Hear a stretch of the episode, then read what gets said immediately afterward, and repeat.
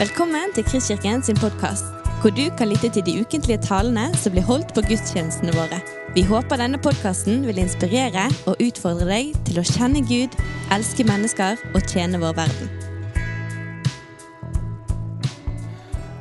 Kjære venner, søstre og brødre i Jesus Kristus. Jeg skulle gjerne sagt at eh, det er veldig fint å se dere i dag. Men det kan du ikke. I stedet må jeg si at jeg gleder meg veldig over å ha sett de av dere som har vært her på de flotte nattverd, nattverdsfeiringene vi har hatt de siste ukene. Og enda mer, kanskje, at jeg gleder meg til å se mange av dere forhåpentligvis neste søndag, når vi igjen kan møtes. Det har vært tre spesielle måneder måneder vi vel håper at vi aldri opplever maken til igjen. Der vi har vært avskåret fra å kunne møtes, dele liv og ikke minst å få feire gudstjeneste sammen. Lov Herren min sjel, sang vi nettopp. Tilbe Ham som kommer med fred. Ham vil jeg prise livsdagen lang. Han fortjener all min lovsang. Det er så sant. Og grunnene til lovprisning blir verken færre eller svakere når vi leser dagens tekst. Forrige søndag begynte vi en serie der vi går gjennom Filipperbrevet. Håvard Berger snakket bl.a. om hvordan apostelen Paulus kunne være fengslet, men samtidig fri. Det høres ut som en selvmotsigelse. Men slike paradokser er den kristne troen full av. Paulus setter sjøl ord på det i 2. Korinterbrev kapittel 4 vers 8 og 9, der han skriver at vi er alltid presset, men ikke knekket. Vi er rådville, men ikke rådløse. Forfulgt, men ikke forlatt. Slått ned, men ikke slått i hæl. Guds rike er et annerledes rike.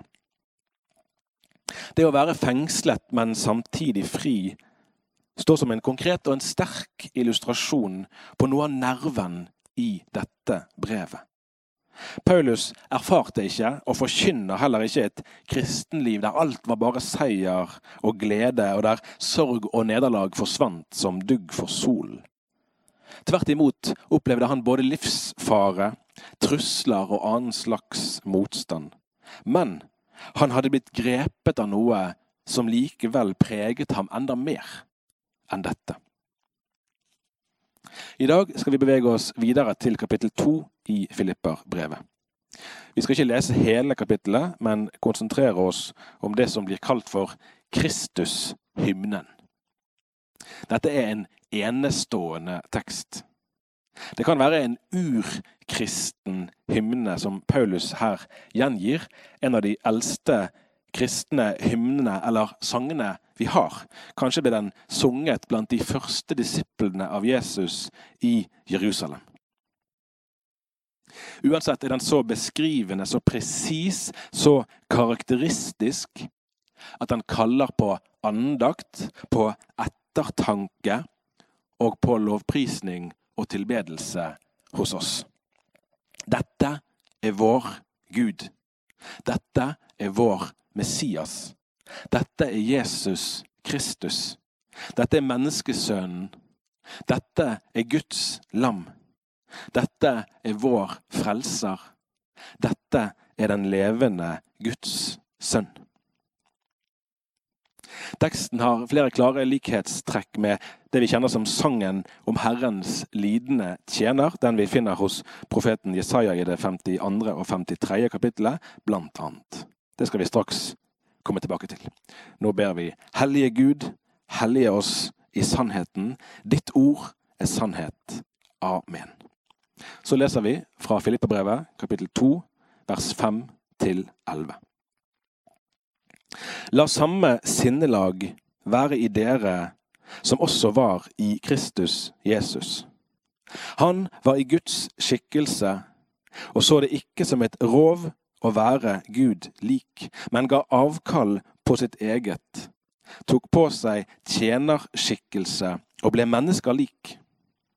Da han sto fram som et menneske, fornedret han seg selv og ble lydig til døden, ja, døden på korset. Derfor har også Gud opphøyd ham til det høyeste og gitt ham navnet over alle navn. I Jesu navn skal derfor hvert kne bøye seg i himmelen, på jorden og under jorden, og hver tunge skal bekjenne at Jesus Kristus er Herre, til Gud Faders ære.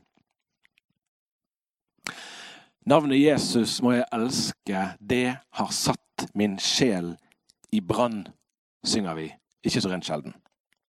Det lyder som en gjenklang av Emmaus-vandrernes ord i Lukas 24, de to som på første påskedag møtte Jesus uten først å forstå at det var den oppstandende frelseren de møtte. Brant ikke hjertet i oss da han talte til oss på veien og åpnet Skriftene for oss? spurte de etter å ha innsett hvem det var de hadde hatt som turfølge. Og Dagens tekst er virkelig en sånn tekst som kan sette hjerter i brann. For dette er så nydelig, så sterkt, så beundringsverdig at det påkaller både takknemlighetstårer, ærbødighet og jubel. Som nevnt er det nærliggende å lese teksten med henblikk på Jesaja 53, der vi kjenner beskrivelsen av Herrens lidende tjener. Han gjennomgår en stedfortredende lidelse for sitt folk. Dagens tekst er beskrivende for Kristus. Han hadde alle rettigheter, alle privilegier. Men i stedet for å knuge på dette for seg sjøl, gikk han en helt annen vei. I stedet for å opphøye seg sjøl, fornedret han seg sjøl. I stedet for å vise frem kronen sin i all sin glitter og stas, valgte han å gi avkall på sitt eget og bli et menneske. Her er vi ved inkarnasjonens kjerne. Her er vi ved kjernen i den kristne tro. At Gud ikke hever seg over menneskenes verden, men at han fornedrer seg sjøl og kommer oss i møte. Han var foraktet, forlatt av mennesker, en mann av smerte, kjent med sykdom leser vi i Jesaja 53, vers 3. Og i vers 5 leser vi Han ble såret for våre lovbrudd, knust for våre synder. Straffen lå på ham. Vi fikk fred. Ved hans sår ble vi helbredet. Slik kjenner vi Kristus. Han er ikke fremmed for det menneskelige. Han er ikke fremmed for det jordiske. Han ble mishandlet, han ble plaget, og han åpnet ikke munnen, står det i vers 7.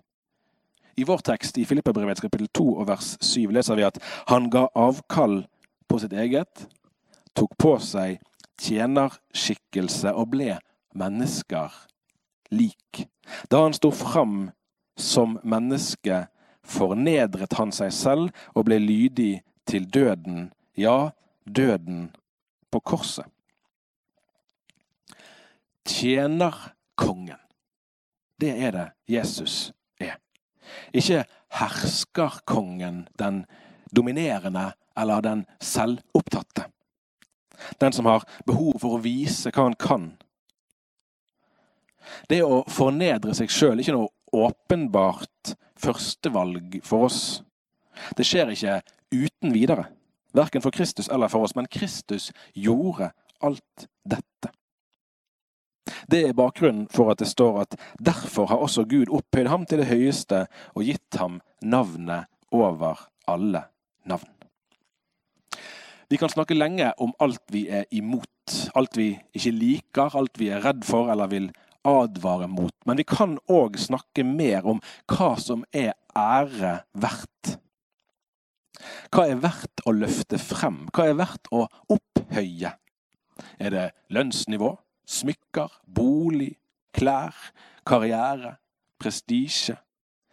I dagens tekst er det selvfornedrelse som fører til opphøyelse. Den virkelige storheten finnes i å gjøre seg sjøl liten. Vers 5 i dagens tekst regnes ikke med til selve hymnen, men versets oppfordring står enda sterkere når vi har lest det som kommer etterpå. La dette samme sinnelag være i dere som også var i Kristus Jesus. Det treffer oss. Vi kan lese det her som en abstrakt tekst, noe vi synes er rikt og vakkert, men som ikke egentlig påvirker livet vårt. Men la oss ta teksten med når vi ser rundt oss i den verden vi lever i. Polarisering er et av de ordene vi hører ganske ofte om dagen.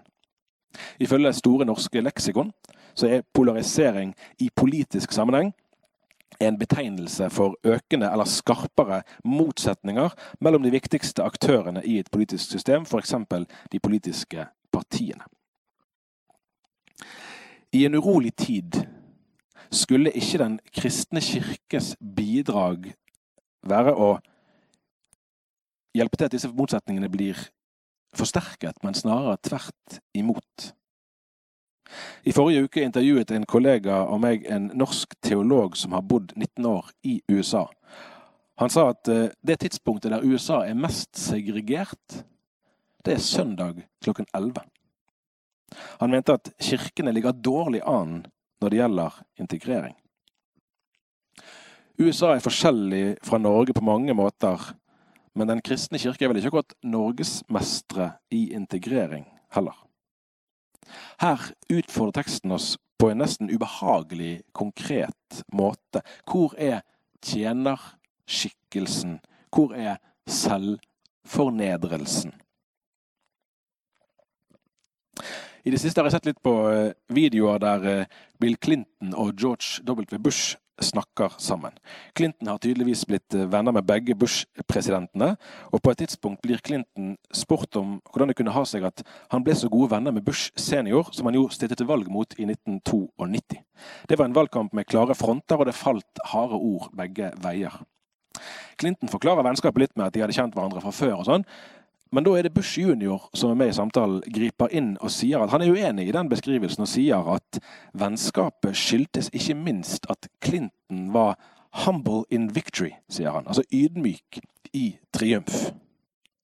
Det krever noe å være ydmyk i møte med dem man har vunnet over. Hvor synlig er slike karaktertrekk hos oss?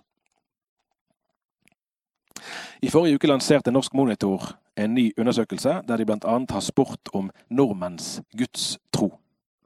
Andelen nordmenn som sier at de tror på Gud, har falt fra 53% til 30% siden 1985. 48% svarer nei på spørsmål om hvorvidt de tror på Gud. 21% sier de er usikre. Og andelen som sier at de tror på Gud, er lavest hos de yngste. Blant de mellom 25 og 39 år er det bare 19% som oppgir at de tror på Gud. Knapt én av fem. Tallene er til å gråte av. Men de er òg en viktig og nødvendig oppvekker for alle oss som kaller oss kristne i Norge. Hvorfor har det blitt slik, og hva kan vi gjøre for at flere skal få bli kjent med Jesus Kristus? Den legendariske amerikanske presidenten Abraham Lincoln skal ha sagt at hvis eh, alle som sovner i kirken søndag formiddag, ble lagt ved siden av hverandre, så ville alle hatt det mer behagelig.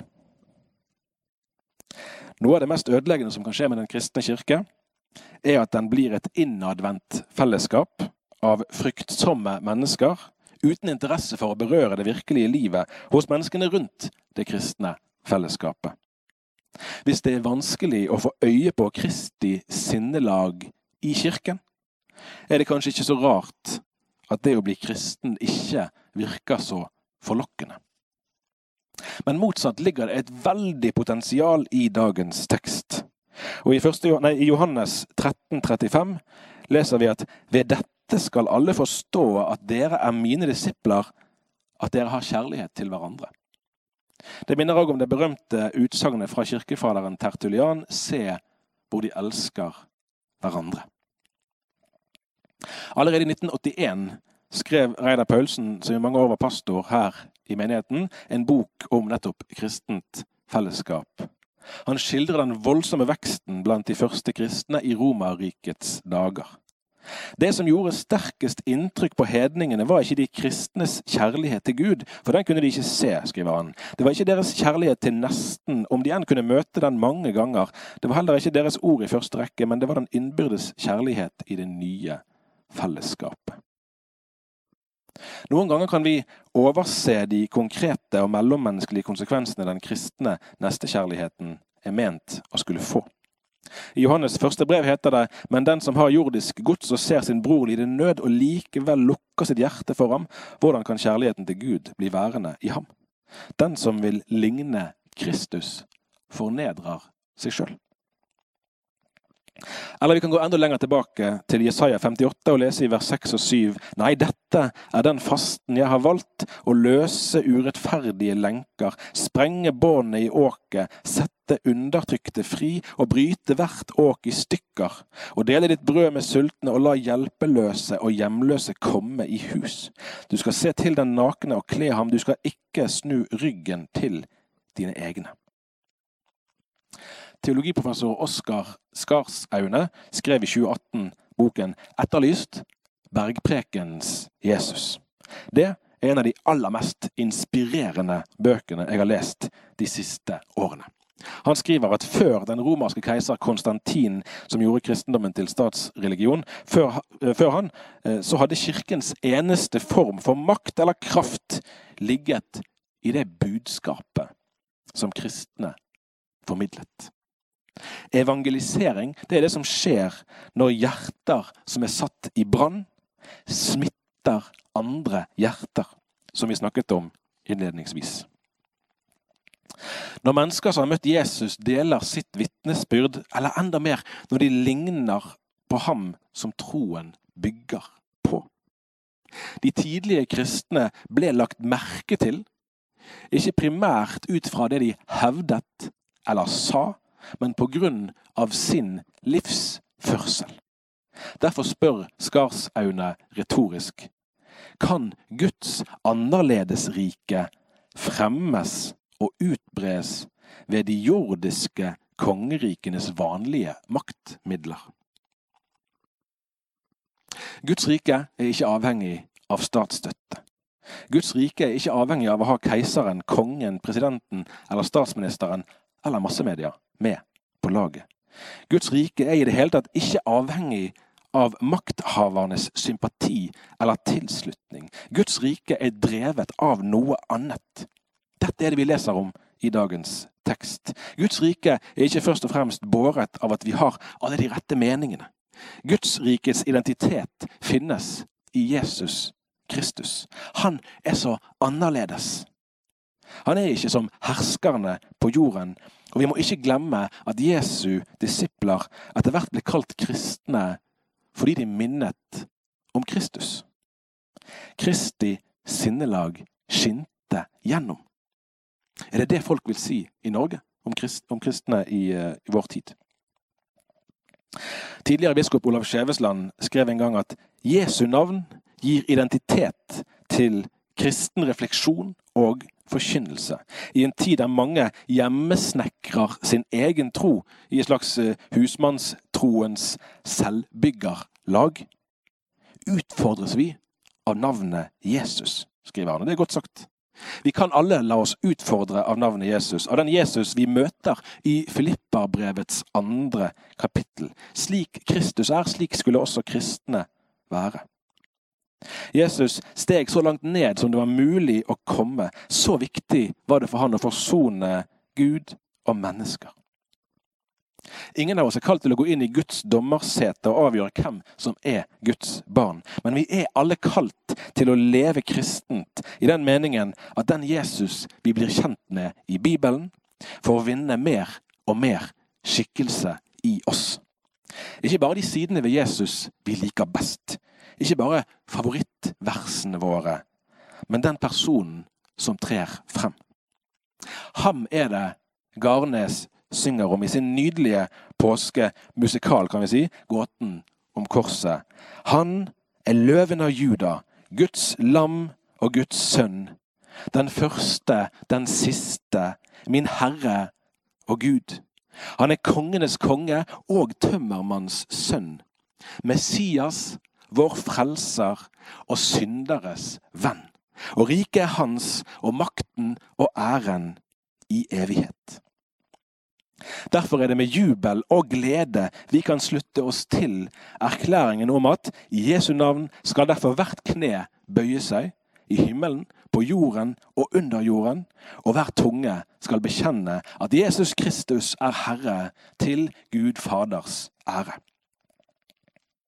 Kirken er ikke et fellesskap av folk med sterke meninger. Kristen tro handler ikke om kamp mot andre mennesker. Kristen tro handler om å ta imot og å leve så nært Kristus at hans sinnelag litt og litt blir vårt. Vi må regne med motstand både på et indre og et ytre plan. Men i alt dette kan vi huske at Jesu opphøyelse kom etter hans fornedrelse, og at det var ved å tjene, ved å gi seg sjøl, at han vant.